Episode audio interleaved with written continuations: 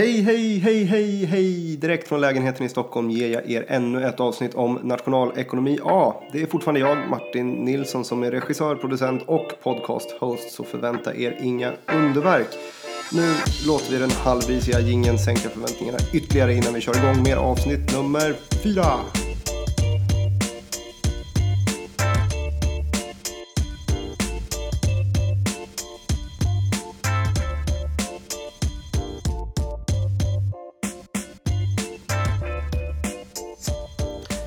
Då ska ni vara varmt välkomna till avsnitt 4.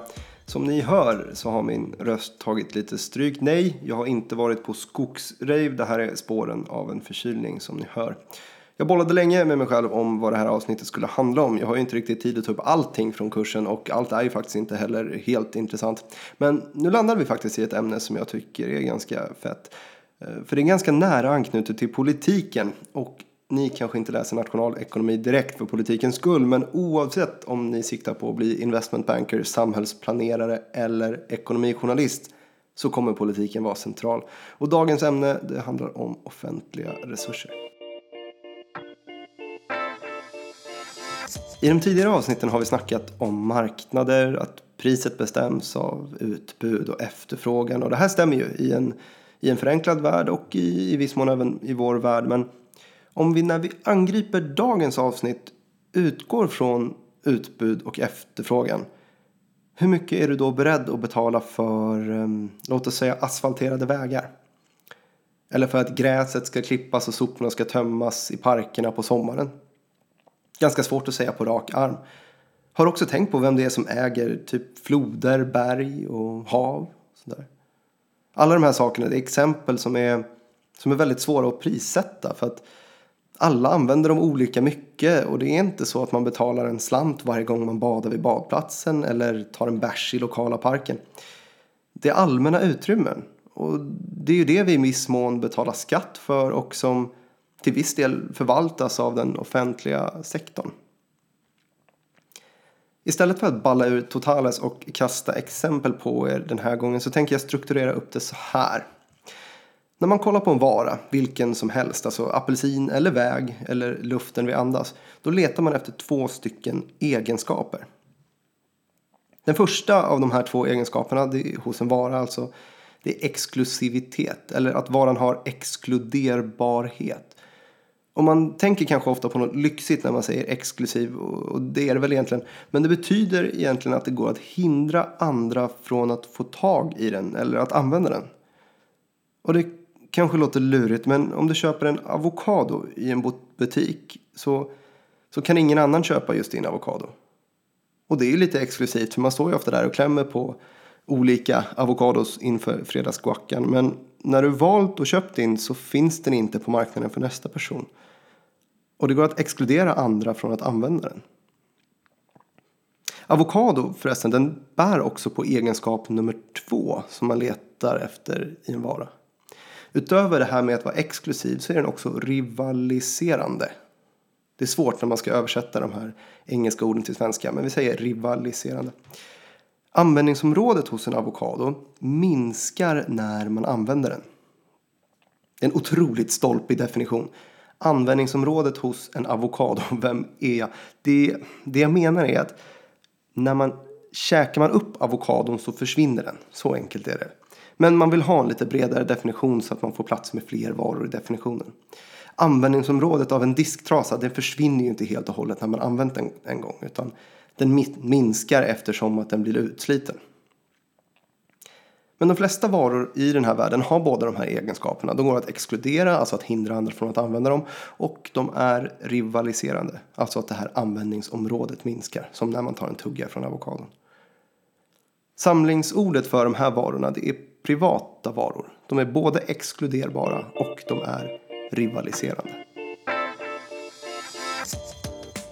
Nu knakar det i skallen på er när ni försöker lista ut varor som inte är exkluderbara eller rivaliserande.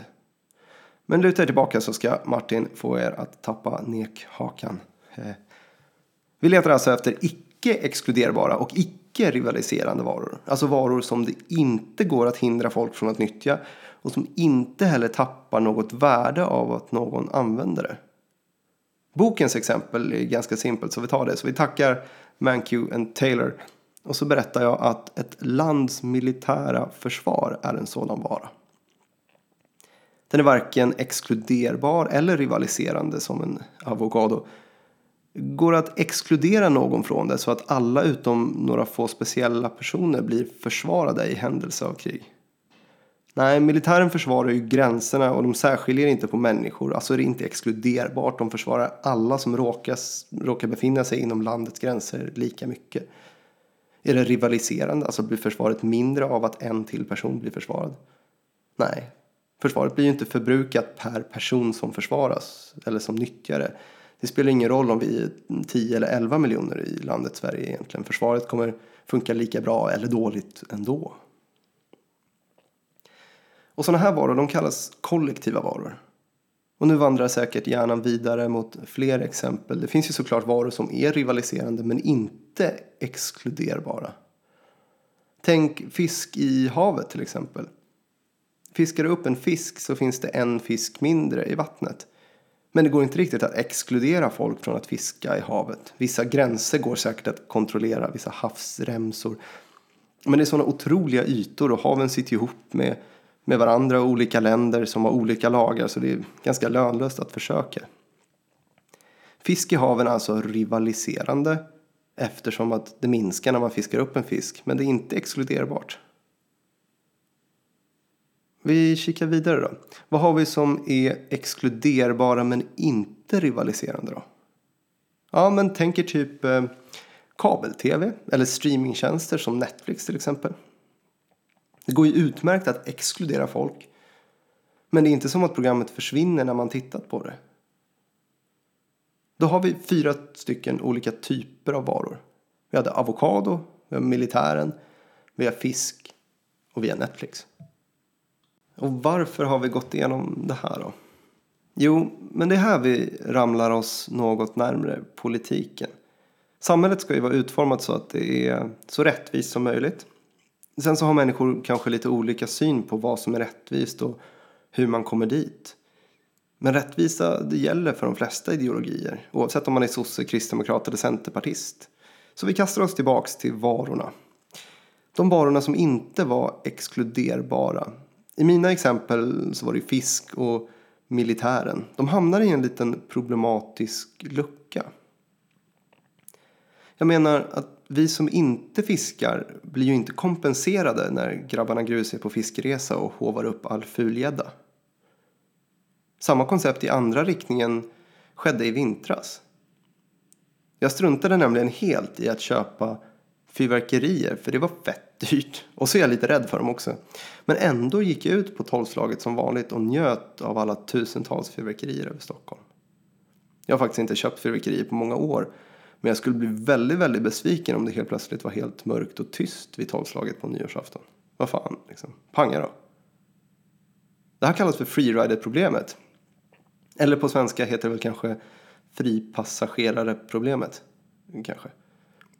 Jag slipper betala pengar, jag slipper utsätta mig för risken med att vara dyngrak och handskas med krut. Hur sjukt är inte det förresten? Det kanske inte låter så, så fruktansvärt allvarligt att jag står och kollar på andras fyrverkerier varje nyårsafton. Men det finns också en annan del som också är kopplad till icke-exkluderbara varor. Och eh, kring det ämnet skrev jag faktiskt min första uppsats i nationalekonomi A. Exemplet med överfiskad fulgädda, det bär faktiskt lite sanning.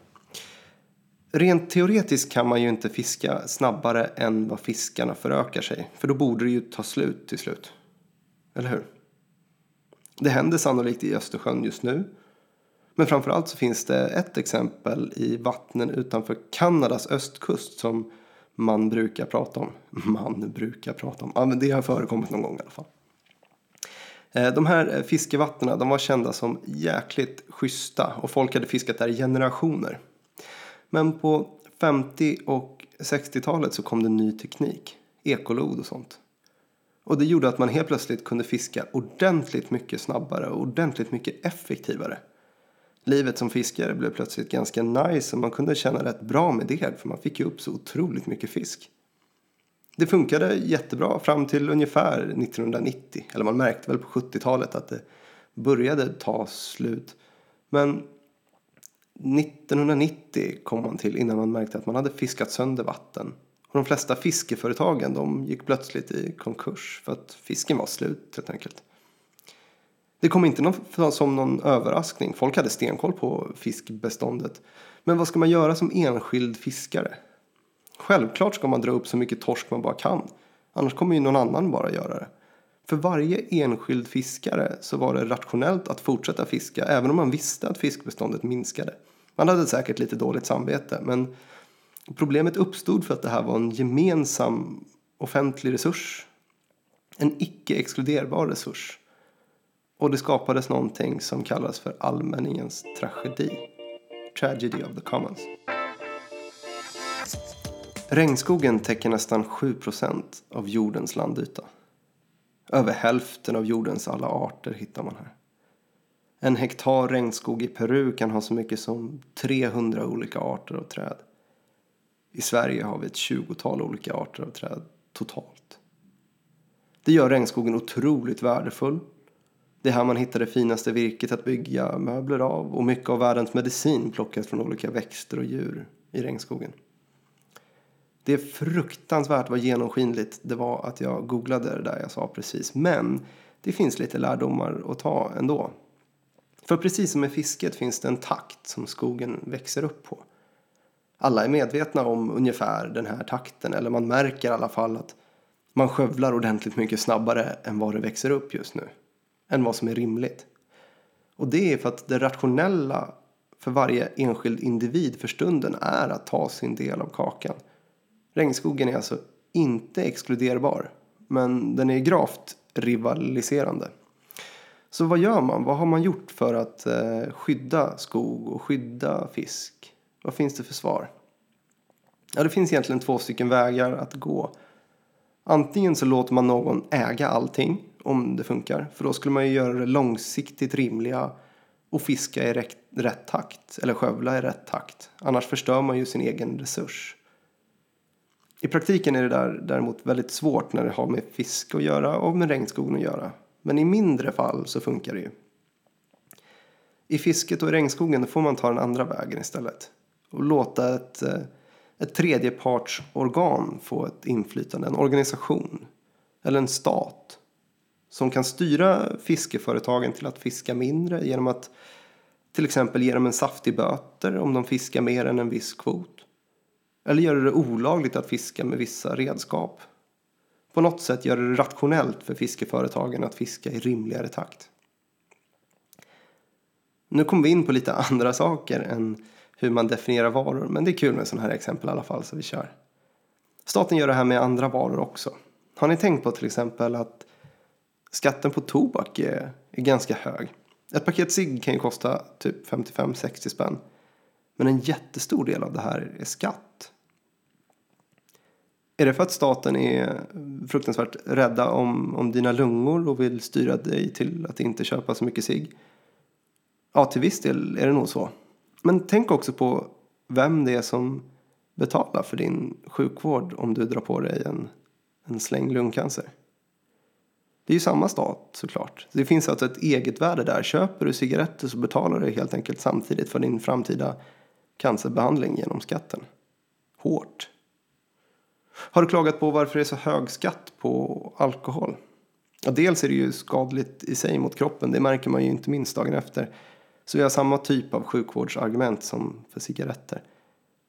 Men när man är dyngrak så ökar det ju också risken för att du hamnar i bus och ger massa extra kostnader för staten. För varje Absolut Vodka du köper på Systembolaget så betalar du alltså en del av lönen för de poliser som är ute på stan den natten och för personen som får tvätta bort din spya vid busshållplatsen. Då är det helt plötsligt ganska rimligt att alkohol är ganska dyrt. Då blev det här nästan som en, som en uppläxning. Men det finns ju också åt andra hållet också. Till exempel så är utbildning gratis i Sverige. Varför är det så? Jo, men det är för att staten har insett att de tjänar på att människor har en bra utbildning och ett bra jobb. Och nu har vi snackat ganska mycket om olika typer av varor och sen ramlade vi in på hur man styr beteende genom beskattning på cigaretter och alkohol och subventioner i skolan. Sammanfattningsvis i alla fall, det här avsnittet så pratade vi om olika typer av varor. Om ni kommer ihåg hur egenskaperna hos en avokado skiljer sig från mm, egenskaperna hos militären eller fisk i vattnet eller Netflix, då har ni kommit långt. Nu börjar dagens avsnitt faktiskt gå mot sitt slut. Det kanske blev lite spretigare än vanligt men ah, så fick det bli. Stort, stort, stort, stort tack för att ni har lyssnat. Ni når mig som vanligt på nekpodcast.gmail.com. Det är också där ni förser mig med ny energi att fortsätta göra detta. Skriv mig snällt och ge mig ett bra betyg på podcastappen ni lyssnar via. Tills vidare får ni simma lugnt.